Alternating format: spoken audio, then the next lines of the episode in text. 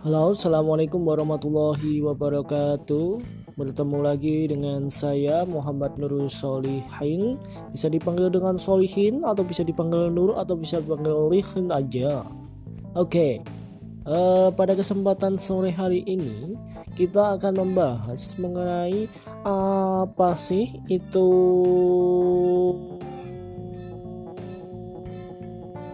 ya maaf ada gangguan uh, teknis maaf dari kami.